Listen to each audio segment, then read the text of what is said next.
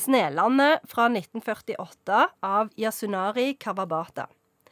En rik dilettant ved navn Shimamura reiser til en kildeby på et snøfjell, hvor han er utro med ei laverestående geisha ved navn Komako.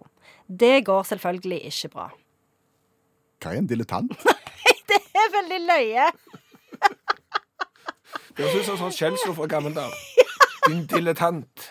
Er, er, er du i nærheten av en Tasken-spiller? Nei, for jeg føler For han er litt sånn rik. Oh. Men jeg trodde dilettant var liksom sånn at du På en måte en nybegynner, følte jeg at det var litt sånn at du Ja, litt sånn Tasken-spiller, men på et høyere sosialt nivå, tror jeg. OK. Oppsummer med ei bok her med ord vi egentlig ikke vet hva Ja. Jeg hadde tenkt å slå det opp, og så glemte jeg.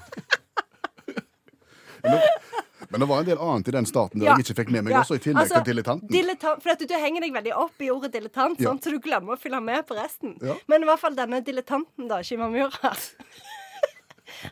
Han tar toget Ja. til eh, et fjell hvor det ligger en sånn onsen, sånn varm kilde.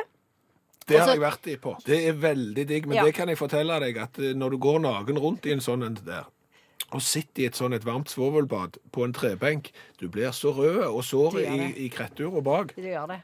Litt sånn life hack. Så de. Dilettanten er på Ja. vei i tog Han- til en varm kilde Ja, og og går rundt uten klær.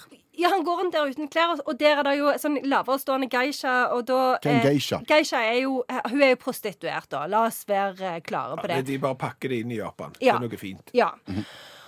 Og så er det jo sånn at hun Komako, da, hun geishaen, hun eh, går jo fullt inn i dette forholdet. For han, han, jo gift, han er jo gift og har barn i Tokyo. Men hun går jo 100% inn i dette. Og ofte så blir det beskrevet som en sånn kjærlighetshistorie. Men jeg føler kanskje at han der Shimamura at han utnytter jo hun bare. Han er ikke liksom 100% engasjert i dette her. Så hvis det er kjærlighet, Ja. så kan du ha det for meg, for å si det sånn. Hvordan ender dette, da? Nei, det ender jo dårlig. Det ender dårlig. Altså, hun, Komako går jo til grunne, og han reiser jo hjem til Tokyo og fortsetter dilettantlivet sitt. Etter at han hadde vist fram dilettanten? Dette er jo en gjennomgående tone i klassisk litteratur. Det er jo at det går jo aldri godt. Nei, det gjør ikke det. det gjør ikke det. Og det som er interessant med dette eh, For det går ikke så dårlig som det kunne ha gått, hvis dere skjønner hva jeg mener. Og det som er interessant med Kawabata, det er at han er jo eh, en sånn en eh, han, han skriver litt sånn i opprør mot naturalismen. Ja, hvor alt går kjempegale. Ja. Og hvis vi tror det har gått gale, så går det enda verre. Nemlig. Og så det er ikke så gale. Nei, nei, så det kunne gått mye verre. Men det går fremdeles ikke spesielt bra. Det Men det er klart at Hadde jeg skrevet denne boka, så hadde jo han der Kawasaki kommet til denne denne kilden, og så hadde han gifta seg med Huda Geishan. Ja. Og så hadde hun reist til Norge, og så hadde hun begynt å selge ris. Bygde seg opp et risimperium. Ja. Ja. Så, så dette, men der er ikke han. Der er ikke han. Og veldig stillestående. Veldig, veldig, veldig stillestående. Men hvorfor drar du fram denne boka her, som Nei, det- bør lese? Eh, For det første så fikk han Nobelprisen for denne.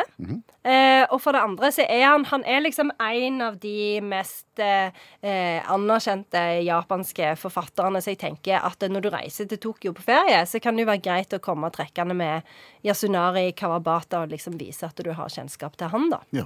Kan du vise at du har kjennskap til han nå, gjennom å oppsummere denne boka bitte litt? Ja, eh, igjen, du skal være veldig forsiktig med varme kilder i Japan. A, for det første, du blir veldig sår i, i rumpa av eh, sånn eh, vann. Eh, og B, du kan møte en eh, geisha, og så blir det bare klatt, og så må du forlate henne, og så må du reise tilbake igjen til Tokyo.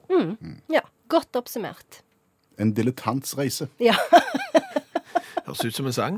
Dille, dille, tanten, di, di, di, sant? Det er sånn revyvise fra Tusen takk, Anne Stigen Drangsvold. Ingen årsak. Forfatter og litteraturviter er du.